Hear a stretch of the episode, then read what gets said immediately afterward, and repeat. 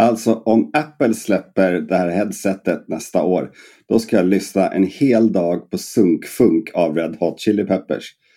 Alltså jag kan inte tänka mig ett värre straff. Alltså det är klart som fan det inte kommer ett headset. Alltså, om, tänk!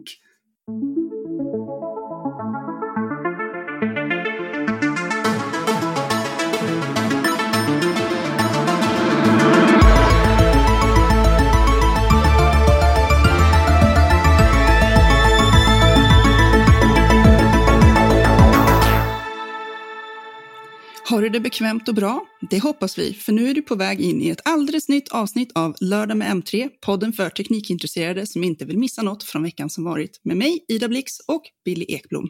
Idag gästas vi också av Petter Arnstedt. Hur har veckan varit, Billy? Den har varit jättebra. Jag älskar också att du lanserar Petter som att det är en engångsföreteelse att han är med i podden. Nej, han, är, han kommer bli det här pågående. Välkommen in Petter! Gästen som aldrig lämnade hemmet. Exakt så tänker jag att du ska bli. Ständig sekreterare. Ja, mm. eh, citatmaskinen, Petter. Det är klart du ska vara med. Tack. Men, men eh, är allting bra med, med, med dig också, Petter?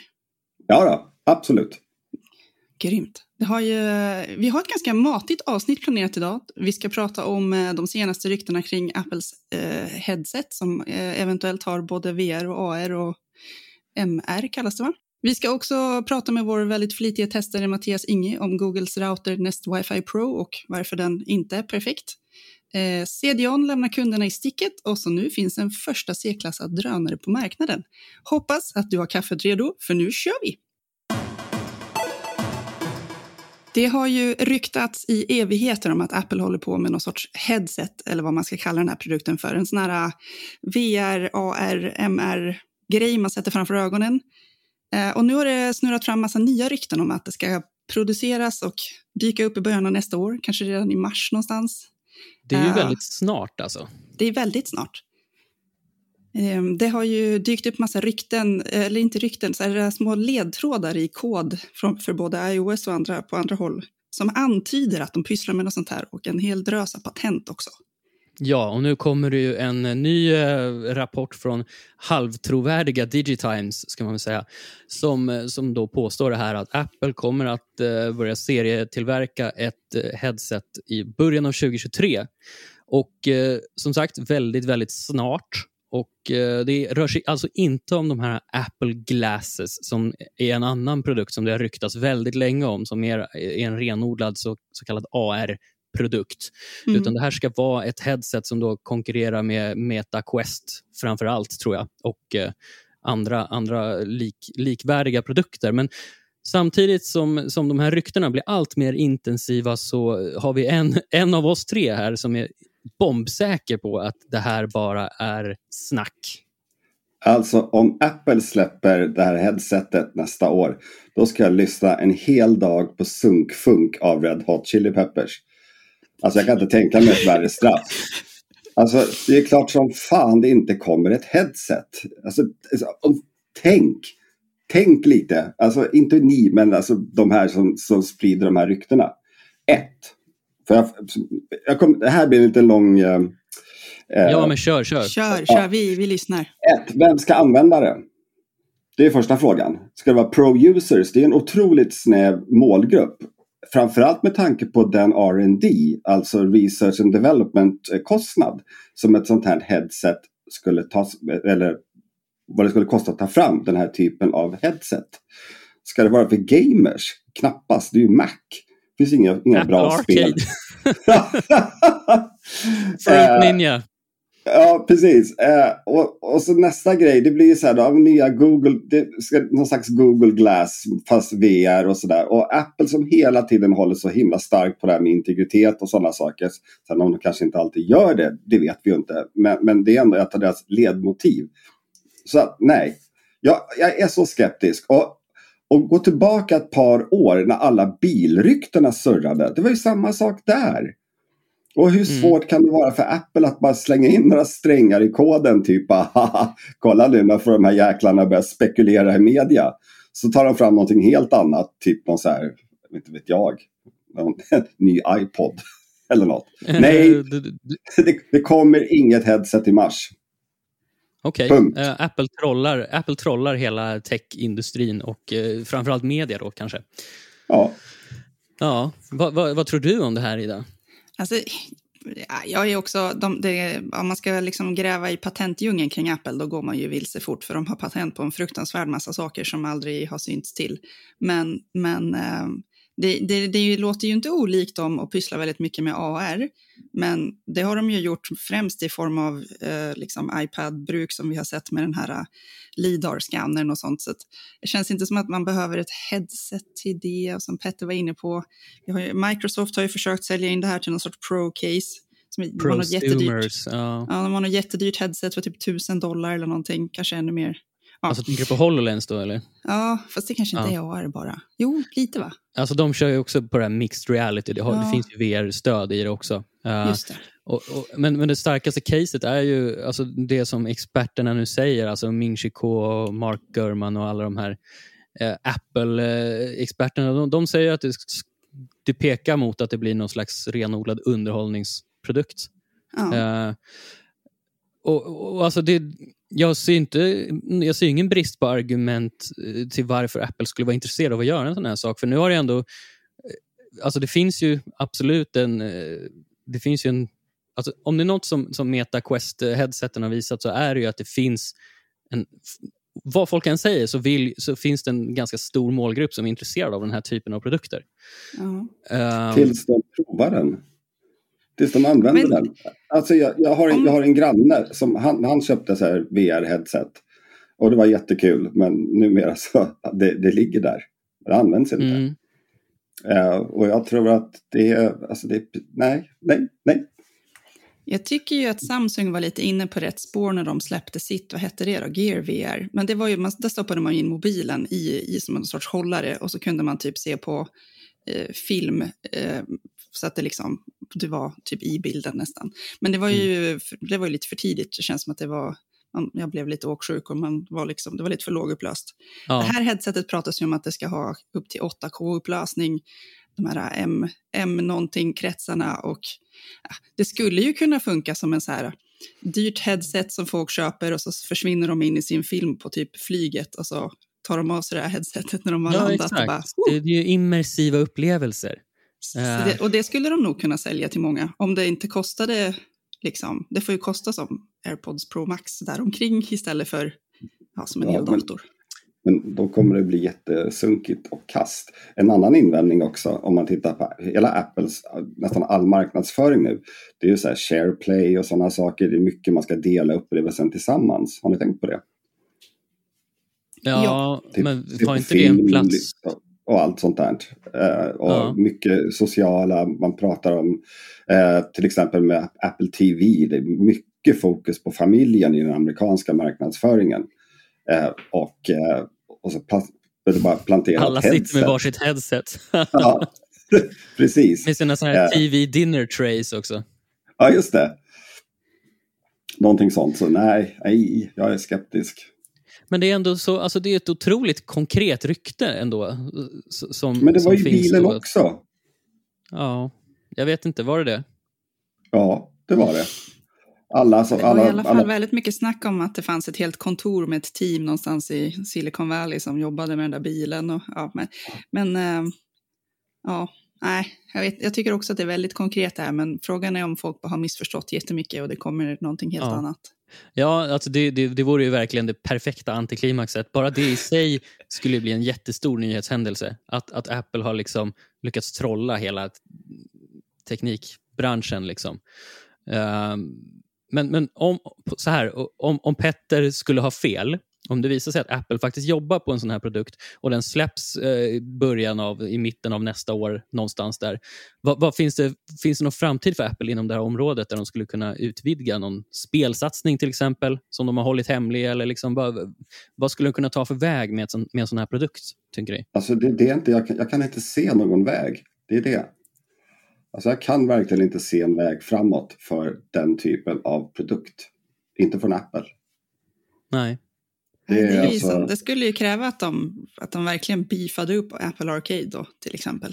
Ja, alltså jag, jag kan, det enda jag kan tänka mig det är väl liksom de få, eller de, det kanske är många, men, men som målgrupp betraktat är vi få som arbetar med VR. Men, men samtidigt, du behöver ju inte ett, ett VR-headset för att arbeta med VR. Nej.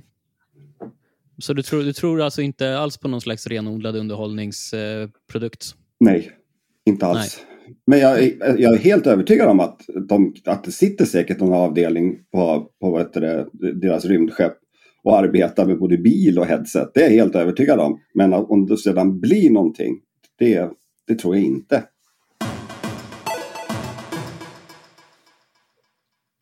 Då beger vi oss till testlabbet där vi denna vecka hittar Mattias Inge. Hallå! Hallå, hallå! Du har testat Googles senaste Mesh eh, wifi-paket, Nest Wifi Pro. Mm -hmm. och, eh, spontana intryck, bara jättesnabbt.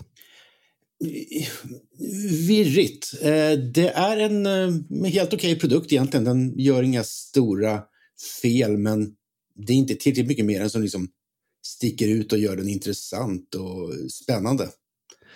Nej, du, du skriver ju eh, i din sammanfattning i testet så skriver du att äntligen eh, spelar Google i samma liga som eh, konkurrenterna. Va, vad menar du med det? Ja, när, när förra eh, Nest Wifi kom, det var, den släpptes 2019 internationellt och sen våren 2020 i Sverige. Och då körde den Wifi 5, vilket mm. då redan då var pinsamt efter resten av branschen som hade gått över till Wifi 6 och börjat pumpa ut massor med routrar. Eh, och eh, så att eh, den liksom, den gav ingenting då och den var så, så efter att vi inte kunde tycka med att den var snygg men den var totalt poänglös. Nu kör de faktiskt Wi-Fi 6E och är en av de första fyra tillverkarna som använder tekniken, den här med nytt 6 GHz frekvensband i. Just det. Så just det är det. det som gör att den liksom är i kapp nu rent tekniskt. Ja, men eh, Wi-Fi 6E då, som, som precis, det håller ju på att komma, eh, men det snackas ju redan om Wi-Fi 7, eh, det nya 6 GHz-bandet och så vidare. Vem, vem är det egentligen som, som behöver Wi-Fi 6E idag? Det är väl den som verkligen har en mängd nya och bra prylar, en ny laptop, en ny eh, telefon, en ny surfplatta som har Wi-Fi 6E-stöd idag och vi ser till att den går så extremt bra som möjligt att surfa på helt enkelt. Om du Då... har en dator som du eh, vill kunna ladda ner snabbt, eh, ladda ner stora filer snabbt på, säg en eh, kunna ladda en tunga spel från Steam och sådana saker som är flera, flera gigabyte stora och så vidare. Ja. Då kan det vara intressant för att det du kan göra då är att du sätter upp den så att du får ett separat 6 GHz frekvensband som du manuellt loggar in med de Eh, datorer och de mobiler och så vidare som du vill ha en gräddfil på i hemmet. Mm. Som får extra mycket eh, eh, den är extra snabb, det, går, det är lite extra säkert, det är mindre risk för störningar och så vidare. Ja, men då, då kan man säga att det här Wi-Fi 6E-tekniken än så länge, det känns, det känns väldigt power user. Det är väldigt uh, mycket power user. Och, eh, Google, eh, alltså Nest eh, Wi-Fi Pro, då, den, den, kostar ju faktiskt, för ett trepack så får man betala närmare 5 000 kronor. Mm. Är, är det värt de pengarna idag? Det är inte egentligen sjukt mycket pengar för en trippelbandsrouter. Eh, problemet är att om det här inte är en... Eh, om du inte har mängder med Wi-Fi 6E-klienter, det vill säga datorer och så vidare hemma, så är, det inte, så är det inte värt det, för då är det egentligen en dubbelbandsrouter mm. som är sådär halvsnabb bara. Ja. Men om man tittar då på specifikt Nest Wi-Fi Pro, eh, mm. vad är de största fördelarna med Googles nya Mesh-router? För det första är den ju jävligt snygg. Mm. Det är den mest eleganta router jag har sett på väldigt länge att ställa upp i hemmet. Det ser ut som typ tre stycken välpolerade strutsägg med en liten diod framför. jag tänkte säga det, för det här med design är ju så himla den är eh, helt vit. Den, ställer du någonstans där det är lite ljus bakgrunden så glömmer du bort att den existerar. Och ställer du någonstans där den liksom är, eh, där den verkligen syns så är den ju faktiskt trevlig att titta på bara också. Så att, mm. det är en fördel, absolut. Det, Google vet ju hur man gör design och eh, det har de verkligen lyckats med här. Jag tycker, alltså det, som sagt, design, eh, ibland åtminstone kan man väl säga att det är ganska subjektivt. Jag, tycker, jag har bara sett de här routerna på bilden så länge och jag tycker, jag tycker inte de är snygga. Jag tycker de ser ut som precis ägg, fast så här blöta Nej. frukostägg som har fått koka för länge. Eh, ja, men okej, eh, om, om vi bortser från designen då, vad, vad är de, finns det några andra stora fördelar med just Nest? har du inga krav på egen kontroll, liksom kunna göra det här som vi pratar om, att sätta upp den här gräddfilen med ett separat 6 GHz eh, nätverk i ditt hem, Mm. så är den väldigt enkel att använda. Du bara pluggar in allting, drar igång Google Home, trycker några gånger på, på OK och sen är det klart. Mm. Eh, det är just har bristen... Problemet med den här är att du kan inte göra den här saken. Du kan inte Nej. sätta upp den här gräddfilen. Att Nej, precis. För du, du har ju ing- bristen på kontroll, det har vi ju sett redan i tidigare Nest eh, wifi-produkter, att Mm. det, det, det sker per automatik och Google prioriterar det som Google tycker att du ska, som Precis. ska prioriteras. Här kan du alltså inte manuellt välja om du ska använda eh, 6 GHz eller om du ska använda 5 GHz. Vilket gör att det är Google som bestämmer åt dig och du får lita på att Google har rätt.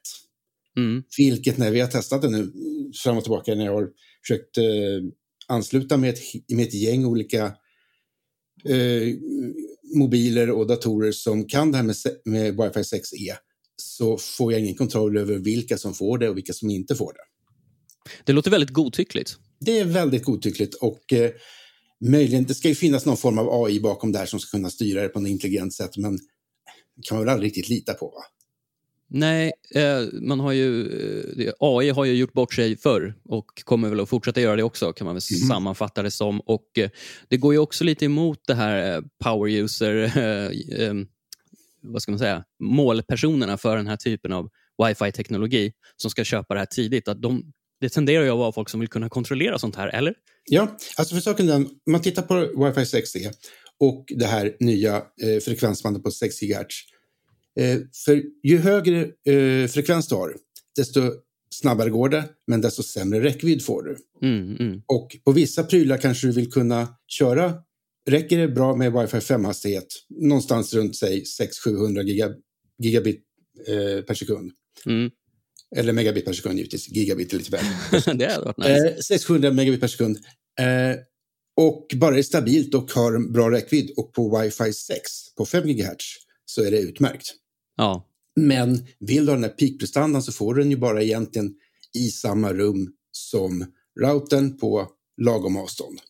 Mm, mm. Och eh, då kan du ha det för utvalda prylar som, som, som kan utnyttja det för att de står placerade på rätt ställe eller för att du inte ska sitta ute på balkongen med, med din dator till exempel. Ja, precis. Och en av, en av sakerna med just den här typen av mesh är ju att eh, de, de, routerna ska ju gärna se varandra. Mm. Hur, eh, och för, för liksom räckvidden det, det påverkas ju av så mycket olika saker. Det är väggar och det är fönster och det är allt möjligt. Liksom. Hur, hur, upplever du räckvidden på det här eh, paketet från Google? Ska vi säga så här, jag har inte riktigt koll på det. Nej. Det är det som är problemet, att jag kan inte se hur, exakt hur snabbt det går mellan de olika noderna, då, de här olika, de här tre routerna. Nej. Och egentligen, eh, använder det eh, 6 GHz, använder det 5 GHz och hur snabbt går det däremellan? Det avgör ju hur snabbt det går om du ansluter en liten bit bort ifrån ditt bredbandsuttag så den går via en sån och sen, sen till huvudroutern och sen ut på, ut på nätet. Mm. Och, Det låter lite eh, som en eh, pryltestares mardröm då och inte kunna verifiera allting. Det är lite knepigt, är det. Och man, här får man ju som gå på tummen och pekfingret och göra några testmätningar lite här och var i, i hemmet helt enkelt. Mm. Så att man får bilda sig en ungefärlig uppfattning om hur snabbt det går i det fallet. Och det går ju snabbt. Det, det ser man ju i dina testresultat. Eh, Ja, men- det går men hyfsat just- snabbt. Det går inte så snabbt som de här galet svindyra eh, routrarna från till exempel Asus och Netgear som har kommit med Wi-Fi 6E. Men de kostar ju å andra sidan mellan 10 och 20 000 beroende på hur många enheter man ska ha. Mm. Det här är en helt annan prisnivå och eh, det är en helt annan eh, prestandanivå både på det, det är mycket mindre antenner, det är enklare processor i själva routern och så vidare. Så att den är ju tänkt för gemene man i alla fall. Ja. Och den är också tänkt eh, framåt i alla fall då som smarta hemmet-hub. att man Mm. ska kunna använda den som Matter-kompatibel smarta hemmet-hub. Men det här stödet finns ju inte påkopplat än som jag förstår det. Eh, nej, men eh, Matter är ju inte riktigt eh, här än, 100% än i alla fall. Så att, Nej, nej Vi- precis. Det, det lanserades eh, förra veckan. Eh, Precis, så att det kommer ju komma en uppdatering, en firmware-uppdatering till de här Mm. routrarna med det i. Eh, där är också som vanligt frågan osäkert just nu hur snabbt den kommer till, om den rullas ut globalt till alla routrar eller om det är en språkgrej så att vi här i Sverige får det senare och så där. Men det brukar lösa sig med tid om man har lite tålamod i alla fall. Det brukar lösa sig. Eh, en annan sak som Google verkar ha förtvivlat svårt att lösa. Jag har ju förra generationens då Nest Wi-Fi-puckar hemma eh, och reagerar precis som du på att de är så otroligt dåliga på att sätta dit tillräckligt många Ethernet-uttag. Mhm. Va, va, vad kan det här bero på? Alltså man vill ju ha möjligheten åtminstone att ansluta med sladd. Ja, alltså det är väl en, en, en, en, en liten fil- filosofifråga där, hur mycket internetportar man egentligen behöver. Du får ju i Mm. alla fall tre i det här systemet på olika ställen. Så att det inte är uselt, men det är fortfarande inte lika bra som, säg, den enda egentliga konkurrenten till den här routern i, eh, som Wi-Fi 6 är Mesh i samma prisklass just nu, som alltså kommer från TP-Link, Mm. som istället har tre portar på varje enhet. Och Ja. alla kan du ansluta prylar till. Så att det finns mycket mer möjligheter där att eh, koppla in eh, fasta prylar som en tv eller en spelkonsol eller en skrivare eller vad du vill. Mm. Ja, nej, för jag, jag funderade, det blir ju, man får ju nästan så här, det blir, det blir ett logiskt, logistiskt problem där när man har själva huvudroutern då med, med en extra då, Ethernet-sladd och sen accesspunkten, eller den extra routern eller vad man ska kalla det, hade ju ingen extra. Mhm. Mm. Nu har vi i alla fall en. Ja, Eh, egentligen har de två för att eh, det är tre stycken exakt likadana enheter men den ena eh, Ethernetporten på alla eh, enheter är en vanport då, så den kan du inte använda om du inte använder den just att ansluta den till, in, till ditt internet. okej, jag förstår.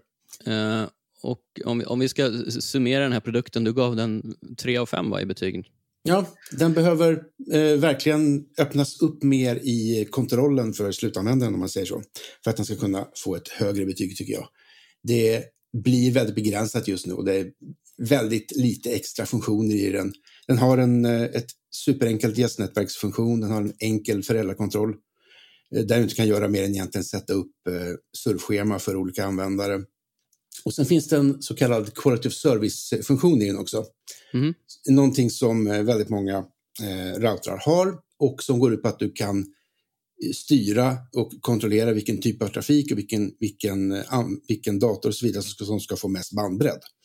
Det enda den gör här är att du kan optimera hela nätverket för videomöten och du kan optimera hela nätverket för Google Stadia. Google Stadia som håller på att läggas ner. på att lägga ner. Ja, pinsamt. Ja. Eh, det är den här typen av produkt. eh, alltså det, det, det är inte alltid som Googles hårdvaruplaner gifter sig med deras mjukvaruplaner kan man säga. Nej, och de borde kanske ha tänkt på att uppgradera det eller åtminstone bara ta bort den funktionen för det ser väldigt löjligt ut just nu. Ja, pinsamt. Men eh, en eh, ljummen, småvarm trea i betyg och Ja. eh, Nest Wi-Fi Pro finns att köpa i butik nu där du får betala 2500 kronor för själva routern som då täcker upp till 120 kvadrat. Och sen eh, ett trepack som täcker upp till 360 kvadrat får du punga ut eh, 4900 kronor för. Är det prisvärt? Jag skulle säga att den inte riktigt täcker de eh, kvadraten som den påstår också för att eh, vill du verkligen ha de här, den här höga hastigheten så täcker den inte alls så mycket. Nej. Men är det prisvärt? 4 och 9? Det, det är fortfarande okej. Ja. Eh, vill du ha en enkel router som fungerar, bara ställa upp och köra, där du inte riktigt bryr dig om bandbredden, där du inte riktigt bryr dig om särskilt mycket funktioner, så är den fortfarande väl fungerande. Det trillade in ett mejl i min inkorg nyligen som eh, nämnde CDON, den här eh, marknadsplatsen som ställer till det för sig titt som tätt. Eh, och Jag skickade det prompt vidare till dig, Billy. Vad, kan du berätta vad det handlade om? Ja, eh, det var ju då en, en eh, kund, eller vad man ska säga, som hade gjort ett köp via CDON eh, av en nederländsk hårdvaruåterförsäljare eh, någon slags eh, dropshipping-lösning som alltså inte håller i eget lager och sådär. Ja. Eh, men, men det är så CDON fungerar, att de, de, det är tredjepartsförsäljning en väldigt stor del av verksamheten där. Eh, och Den här personen hade då eh, köpt massa dyra saker, hårdvara, eh, som han behövde i sitt arbete och eh, väntat länge, länge på de här produkterna. Inte hört någonting i stort sett och påtalat det för eh, både CDON och eh, den här nederländska återförsäljaren. Då. Och sen så nås han efter mycket om och men av beskedet att den här återförsäljaren som heter Extra Digital Storage, de har gått i konkurs. Och eh, vad, vad händer då? Alltså det, det, det blir en intressant eh, situation som CDON själva beskriver som relativt unik i, sitt utskick till drabbade kunder. Då. Att eh, här har man alltså köpt av en tredjepartsförsäljare på CDONs hemsida, men där CDON inte är inblandad i själva affären. Utan det är alltså något eh, källarföretag, nu vet jag inte exakt vad det är för typ av företag, men Extra Digital Storage går i konkurs och då, då börjar ju frågorna komma att hur, hur ska man göra som kund i Sverige då för att liksom antingen få se skymten av pryl eller pengar? Det blir en jättesvår situation. Ja, och det verkade ju som att han, den här personen som, som vi har pratat med lite grann inte alls var ensam då ju. Och, Nej, det Eh. finns eh, på, på, på Sveklockers faktiskt så finns en forumtråd med, där drabbade medlemmar har skrivit av sig. Eh, Mm. Som har köpt, det det är ju nördar som hänger där, så det är dyra komponenter och liksom många tusen kronor det handlar om. Ja. Och eh, grejen här det är väl också att eh, Allmänna reklamationsnämnden eller vad Konsumentverket ger Mm. CDON rätt eh, Ja, i att alltså- de inte behöver betala, betala tillbaka pengarna. Så är det. det är, jag ska säga det också att det finns eh, drabbade kunder på både Trustpilot och Prisjakt som ger väldigt negativa omdömen om det här och känner sig lurade. För att CDON eh, med sin, de har ett väldigt starkt eh, varumärke fortfarande. Alltså det, det är rotat i svensk e-handelshistoria. Och, eh, men att de, den här typen av tredjepartsförsäljning då, de, de backar ju ändå från en del av ansvaret när de är då affärsförmedlare och inte agerar aktivt i olika affärer så att säga. Alltså det känns ju verkligen som att de luras lite grann, för man får lite intrycket av att CDON är ju ändå ett svenskt företag, att de skulle vara liksom tryggare att handla ifrån än, inte vet jag, Amazon som är ganska nya på marknaden som man kanske är mer skeptisk till, utländskt Mm. företag och så vidare. Men de gör ju tvärtom då ett väldigt bra jobb när saker går fel. Eh, vad man hört ryktesvägen från folk som Ja. har haft kontakt med deras support i sådana här fall där de inte får prylar eller något annat som är fel. Det, det är inget Ja, snack. Det är inget snack alltså- säger du Petter. Jag, jag, har, jag vill försäkra mig om det här. Alltså jag har mejlat, eh, jag har tagit kontakt med Amazon eller deras företrädare i Sverige och frågat exakt hur de agerar vid, sån här, alltså vid konkurs. När en Mm. tredjepartssäljare går konkurs. Och jag väntar på svar där, det ska jag faktiskt säga. Eh, men, men precis som du också var inne på Petter, så Konsumentverket, de är ju ganska, vad ska de göra i det här fallet? De kan sin, på sin höjd vägleda kunder eh, som, som har drabbats då. Ehm, och det finns ju, de har till och med skapat en liten eh, undersida på sin konsumentupplysningssajt Hallå konsument som heter säljare på, eh, säljare på marknadsplats i konkurs. Ehm, Ja, och där framgår det att eh, man, eh, man har lite olika alternativ, eller det beror snarare på hur man har valt att betala för den här eh, produkten eller prylarna som man har beställt. Om man har betalt direkt eh, eller via, alltså via kort till exempel, banköverföring, då ser det väldigt mörkt ut att få de här pengarna tillbaka. För då ingår de i konkursboet. Ja. Och, alltså, då blir det alltså helt plötsligt upp till individuella köpare att driva process mot en nederländsk konkursförvaltare. Precis. Det låter Mm. komplicerat. Ja, och jag pratade med Konsumentverket eh, häromdagen. Och de sa att, eh, jag pratade med Henrik Jonsson som var juridisk rådgivare på Konsumentverket och han sa att det finns, det inte, de har, man har ingen jättechans då för i ett konkursbo och i ett sånt ärende då hamnar eh, privatkonsumenter längst bak i den kön. Det är många som ska ha sina pengar därifrån. Eh, för det är ju skatteskulder och andra typer av skulder som först och främst ska hanteras. Och sen får man se vad som händer. Så det här är, det är en jättetuff situation för de som har betalat eh, direkt, så att säga. Så Medan ett de som har sätt, betalat ett sätt runt det, det är kreditkort alltså. Kreditkort, kreditkort då, kan man ju, då, kan, då finns det någonting som heter kreditkorts konsumentkreditlagen.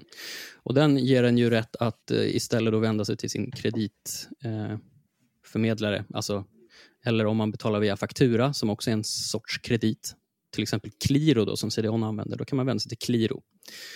Eh, och då har man större chans att få tillbaka sina pengar. Eh, Men Okej. i, i, i de fall där det inte har varit en sån för, i, i näringsidkare inblandad, så eh, kreditgivare, så blir det mycket, mycket svårare. Alltså, vad jag inte fattar det är att CDON som hamnade då i en bedrägerihärva förra julen var det väl? Eh, Ja, det var i samband med Black scam- Friday. Just det där scambolaget då som eh, sålde produkter som de aldrig skickade ut. De hade ju inte ens produkterna, tog pengarna och Nej. sprang. Eh, och jag, i det fallet så ersatte väl CDON kunderna. Det stämmer bra. De fick avsätta å- åtskilliga miljoner och gick ut med det. Eh, Just det, de fick vi, ändra vi sin... var ju bland sin de första att rapportera om det här också, så det var lite spännande att se. Jag fick ju prata med vdn, dåvarande vdn ska sägas, för han har ju slutat. Och han garanterade ju en trygg köpupplevelse och så vidare. och så vidare. Men det verkar Så- ju vara en sanning med modifikation. Så i det här fallet, allt CDON hade behövt göra, det är att ja, vi, det, vi är hemskt ledsna för det här, men vi, vi har era ryggar, vi kommer att ersätta er. Eh, Mm. Eh, och så är det klart. Men istället då så... Ja, det är klart vägrar- hade kunnat ta en sån smäll, men det är, jag vet inte det, det finns ju, jag vet inte hur många som är drabbade av det här. Jag vet att det har kommit in ett antal ärenden till Konsumentverket med, med drabbade personer och det man kan läsa, till, läsa sig till på nätet så är det åtminstone det är ett gäng s- s- som har drabbats av den här konkursen. Då. Och eh, alltså, jag, jag, Alltså, de, det är ju det, det, är fullständigt idiotiskt av CDON. För jag menar att ja, i, på kort sikt så förlorar de ingenting på det. Men på längre sikt, jag menar all badwill som det här ger. ja, det, naturligtvis. Visst Jag är menar, det så. kommer, du, kommer du att kunna rekommendera CDON som återförsäljare till någon? Nej, inte, alltså det är klart, alltså, man, det sätter ju återigen fingret på... Jag har ju uttalat mig ganska skeptiskt om den här typen av marknadsplatser tidigare. Eh, Mm. Eftersom jag värdesätter andra saker när jag e-handlar. Trygghet är en väldigt viktig och stor del i e-handel. och om man då inte kan... Alltså man måste hålla tungan rätt i mun när man handlar. Man måste verkligen dubbelkolla vem egentligen vem, vem som är säljare i en affär. Vem är säljaren? Vad har jag för villkor och rättigheter när det går åt skogen? För man kan inte räkna med, eh, uppenbarligen då, att eh, den, den här marknadsplatsmodellen har ens rygg när det går åt skogen. Okej. Så då finns det i princip två saker man ska göra som konsument. Det ena är att skaffa sig ett kreditkort och det andra är Ja. att inte handla från CDON. Ja, eh, om man inte är väldigt noggrann. Jag, jag, jag har faktiskt hört av mig till CDON också, för de har ju väldigt många olika anslutna återförsäljare på sin plattform. Eh, en del stora, en del små och så vidare. och så vidare. Eh, jag, jag undrar hur, hur, de kan hålla koll på att alla är legit och att de är kreditvärdiga och, och, så Mm. vidare. och så vidare. Det här, alltså Extra Digital Storage, de blev utsedda till årets rookie av CDON så sent som i förra året. Eh, och, och de, de, de borde ju ha någon sorts kontrollverksamhet på vem som får lov att sälja hos dem. Ja, det har de naturligtvis. Men, och jag, jag pratade också med vdn, eh, eller skrev, mejlade ett, ett gäng frågor till vdn som, som svarade väldigt kort då att man, man tar löpande kreditkontroller på Mm. anslutna merchants. Eh, då undrar man ju när den senaste kreditkollen togs på det här extra digital storage. Ja. Eh, så hoppas man ju verkligen att plötsligt- de pausade, ord, alltså när de märkte att det här verkar inte funka, att de såg till att folk inte längre kan beställa saker. Ja, de, de slängde ut dem direkt såklart. Mm. Eh, men eh, alltså skadan är redan Skadan är ju skedd för de som har Ja. betalat och, och väntat flera månader redan. Och då är pengarna, ingen vet ju vad de pengarna är nu. Liksom. Nej. Huvudsaken här är att CDON har inte pengarna. Och de kommer inte, alltså de, de hänvisar till konsumentköplagen som ger dem 100% rätt att agera så här. Eh, Mm. Allt, allt utöver det här skulle vara goodwill från CDONs sida. De får bli extremt tydliga med det i köpprocessen helt enkelt. Ja, eh, jag tycker alltså det, det, det ska inte gå att missförstå vem man handlar av när man handlar på en marknadsplats. Men uppenbarligen så är det många som fortfarande gör det. Och jag tror att det finns, eh, det kan man se när man läser omdömen om CDON också. De gör, väl, de gör verkligen sitt bästa för att förklara vad de är för typ av verksamhet. Men det, det har ju uppenbarligen inte nått folk så, så brett som det borde. Så var försiktiga när ni e-handlar där ute. Jag tror att, eh, alltså, som sagt, det här är... Det, det, kan ju fortfarande hända saker i den här soppan, eller vad man ska säga. Uh, och, och det, det, kan mycket väl vara så att sista ordet inte är sagt och sådär, men, men till er som har uh, drabbats uh, kan jag bara säga good luck. Ni kommer att behöva det om ni ska få tillbaka era pengar. Förra veckan pratade vi lite om Twitter. Den här veckan kan vi prata lite om dem igen, för nu har Elon Musk infört att man kan köpa sig en blå verifieringsbock på plattformen, vilket snabbt ledde till eh, fejknyheter, eller vad säger ni? Äntligen kan man köpa en blå bock på Twitter. Som jag har väntat. Jag har fortfarande inte fått någon. Alltså ja. nu kan jag betala för den, men ja, jag har försökt få en innan den här blåa bocken väl, har väl varit till för att legitimera, alltså, det, det finns ju alltså, offentliga personer, det finns eh, viktiga näringsidkare inom media och underhållningsindustri, nyheter. Det ska visa att det här är en det här är en viktig och betrodd avsändare av information så att säga på Twitter. Det var tanken en gång i tiden. Ja, det var tanken innan Elon Musk tog över. Ja. Eh, nu kan man ju bara lägga ett par dollar och köpa sig en sån här blå bock. Det finns jätteroliga till... exempel. Alltså det här Nintendo of, of America med en blå mm. bock som har handen NL Nintendo of US. Snarlikt Nintendo US. Och en mm. Super Mario som ger finger. Ja, Super Mario som... I två timmar eller något sånt där innan Twitter bara åh nej, ta bort. Alltså, Precis. Det, här, alltså det, det här är ju verkligen så här, titta på en tåg, tågcrash i slow motion. Hela den här ja, Elon Musks övertagande av Twitter. Alltså det är en sån clusterfuck så att det finns inte ord att beskriva det. Alltså det, det, blir lite problematiskt om, man, om vem som helst kan lägga lite kaffepengar på att köpa en sån här verifikationsbock för då är alla plötsligt viktiga och relevanta avsändare. Och, ja. um, just det här med, han har gått ut hårt nu och sagt att han ska bannlysa alla imitationskonton och så vidare om det inte tydligt framgår att det är parodi. Men, men, men, men det kommer ju inte att hjälpa. Folk kommer ju svälja allting med hull och hår. Vi har ju Jesus Kristus här med blå verifikationsbock. Ja. Uh, hur, hur, ska Twitter hänga, hänga, med och blockera de här kontona? Det, det är ju en omöjlig uppgift. Ja, det kommer inte gå. Jag tror att eh, här har väl LeBron James eh, med ett falskt Twitter-handle då, men en äkta verifikationsbox som officially, eh, han, han efterfrågar en trade. Han vill inte vara kvar i LA Lakers. det, det liksom pinsammaste av allt det här tror jag är ju ändå att om du klickar på den blå bocken, tror jag att de nu har lagt till så att du kan se om det är någon som är verifierad för att de är en trovärdig källa eller om de bara har köpt Twitter Blue som det där kontot, eh, prenumerationen kallas. Ja, det stämmer. Man, men det är lätt att se. Men ja, det är ju ett steg för mycket. Begär ja. man inte lite för mycket av människor att de faktiskt ska kolla upp källan på saker? Jo, väldigt. Nåja, det... roligt är det. Eh, vi, och som Petter var inne på, tågkrasch i slow motion är kanske exakt vad det här är. I eh, veckan som var så fick också bilhandlare otroligt mycket att göra när regeringen plötsligt skrotade klimatbonusen för bilar. Ja, hastigt och lustigt. Från ingenstans bara. Jag tror att de fick alltså typ en dygn på sig eller någonting, eh, branschen, och ställa om lite hastigt. Det var flera bilhandlare som hade öppet till midnatt den 8 november var det va? Mm. För att ta in så många ordrar de kunde. Ja, jo men precis. Det blev ju High Chaparral hos... Eh, det var ju nattöppet och allting när folk skulle skynda sig att köpa sina 700 000 kronors elsuvar och få lite, lite pengar tillbaka eller vad man ska säga. Um, som mest har man nog fått en bonus på 70 000 kronor tror jag. Och sen uh, har de ju ändrat lite hur dyra bilar man fick lov att köpa och allt sånt där. Mm, men, men uh, nu, nu finns det ingen bonus. Den sänktes väl ett första steg i somras va? Klimatbonusen, ja. det inte det? Ja, ja. Det, det, gick ut hårt. Uh, men det är ju skattepengar det handlar om och sånt är alltid känsligt. Um, och i regeringens officiella då besked, det kom ju ut så här på kvällen, så där jobbig pressmeddelandetid. Liksom. Ja. Uh, då gick de ut med att ja, men det, det börjar ju närma sig, alltså prismässigt uh, så börjar det närma sig för de här klimatbilarna som att köpa en bensin eller dieselbil och därför då tas den här bonusen bort.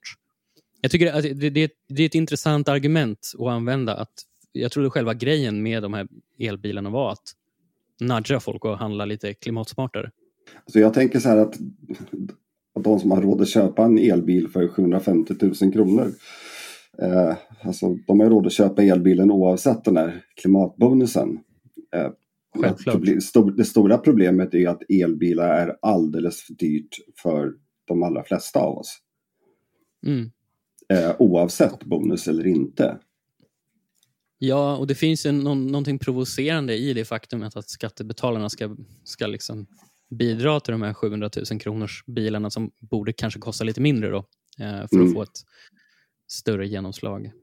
Ja. Ja, det, är, det är också en fråga. Har, om priserna har hållits uppe tack vare den här klimatbonusen. Kommer de sjunka nu? Det jag var lite, skulle komma in på här, att eh, om man tittar tillbaka lite så, så har eh, bonusen ändå, eller eh, såld, antalet sålda bilar som har antingen varit hel, helt el eller såna här hybridbilar, de, det har ändå ökat väldigt mycket. Eh, men ehm, tillverkarna har ju redan ställt om. De har ställt in sig på att nu blir det elbilar och de, de satsar och producerar sådana. Så att de kommer ju fortsätta finnas till salu vare sig det är klimatbonus i Sverige eller inte. Så Mm. det kanske är så att bra- bilbranschen fick det väldigt svettigt och jobbigt och väldigt kort varsel nu, men att priserna faktiskt kanske då pressas ner av, av det här. Det kan man ju hoppas. Ja, Mm. eh, och, och regeringen har ju faktiskt också de har ju sagt då att det, det finns andra aspekter av elbilselektrifieringen som man brukar säga lite sådär fint. Elektrifieringen av Sverige, att eh, det finns andra, andra områden av den som behöver tydligare insatser. Ett, ett av de områdena är ju det här laddstolpsnätverket eh, då som stadigt byggs på. Och där tänker jag att kanske att du som elbilsförare Ida har någonting Eh, är, det, är det ett rätt argument att använda? Alltså det är ju klart en eh, sån eh, eh superviktig, vad ska vi kalla det för, hygienfaktor. Har, finns det inte laddstolpar så kan man ju inte åka någonstans med sin elbil. Så, och det har ju varit eh, välkänt hittills att i Sverige så är det liksom framförallt de norra delarna och inlandet där det, där det går inte att ha en elbil för det går inte att ladda den. Så, eh, och det har de också gett någon sorts, eh, bo, eller inte bonusar till, men någon sorts bidrag till för att bygga ut det här nätet.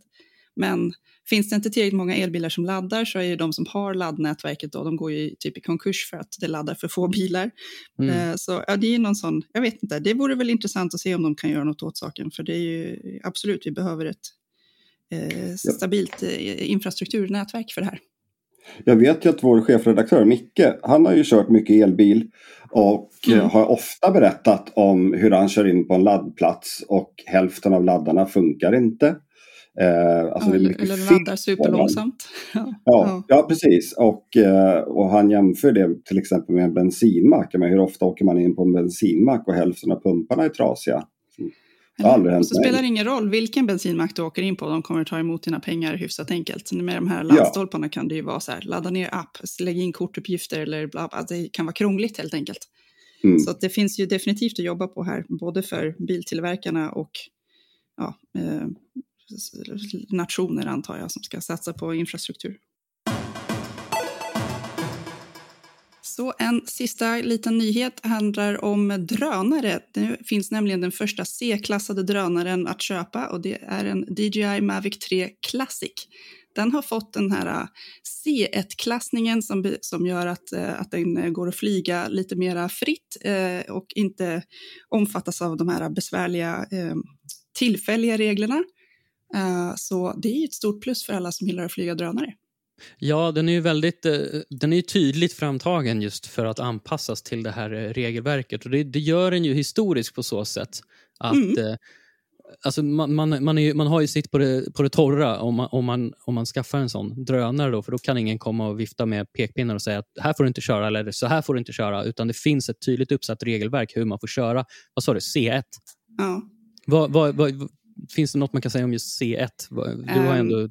Ja, men den här jag. drönaren den väger 895 gram. Det är ganska ja, det är relativt mycket. Så det, det kräver att du tar ett drönarkort, men det är ett eh, teoretiskt prov som är väldigt enkelt att göra.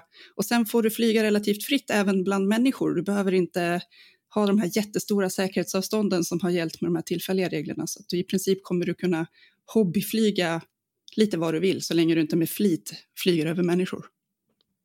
Så det blir liksom jättelätt för eh, folk som vill hålla på med det här som en hobby istället för som nu när det är superkrångligt. Men du har ju, du har ju tagit drönarkörkort. Mm. som du recenserar drönare på M3. Och Ja. eh, du, du sa att det var ett enkelt teoretiskt prov. Alltså hur, hur enkelt? Skulle, skulle jag klara det utan... Alltså, Man, alltså, man, får ju, man får ju läsa på lite, men man får lov att ha Transportstyrelsens utbildningsmaterial med sig när man gör provet. Det är, liksom bara, ett, det är bara ett webbprov. det är som att sitta Äh. med facit och göra prov alltså. Ja, lite grann. Sen är det ju upp till dig om du vill vara en ansvarsfull drönarpilot som inte ställer till med massa grejer såklart. Alltså man, man vill väl kanske lära sig för att göra rätt. Men det var typ 40 frågor. Nej, det är inte jättesvårt. Det är väldigt mycket så här vett och etikett. Flyg inte in i flygplan. Alltså, Wow. Eh, så jag tycker att eh, det är liksom, ska man flyga drönare så är det väl värt att ta den här eh, drönarkortet och så har man liksom ändå lärt sig ja, Men basgrejerna. Är drönare en grej fortfarande? Alltså det kändes som att det, det exploderade för några år sedan. Och nu Ja, ser det... men, det men det blev ju så krångligt, tror jag. Eh, Okej. Så att jag tror alla har väntat ganska mycket på det här. Att okej, nu kan jag ta mitt drönarkort, jag kommer kunna, nu vet alla vad som gäller. eh, att det blir lättare så fort det här regelverket faktiskt går att använda i praktiken. Avslutningsvis som DJI Mavic 3 Classic kan jag i alla fall meddela att den är på väg in till testlabbet. Så håll ögonen öppna efter eh, recensionen. Hörni, stort tack för att ni orkade lyssna hela vägen hit. Det glädjer oss väldigt mycket. Eh, Vi ses igen nästa vecka. Tack och hej! Hej, hej! Tack och hej!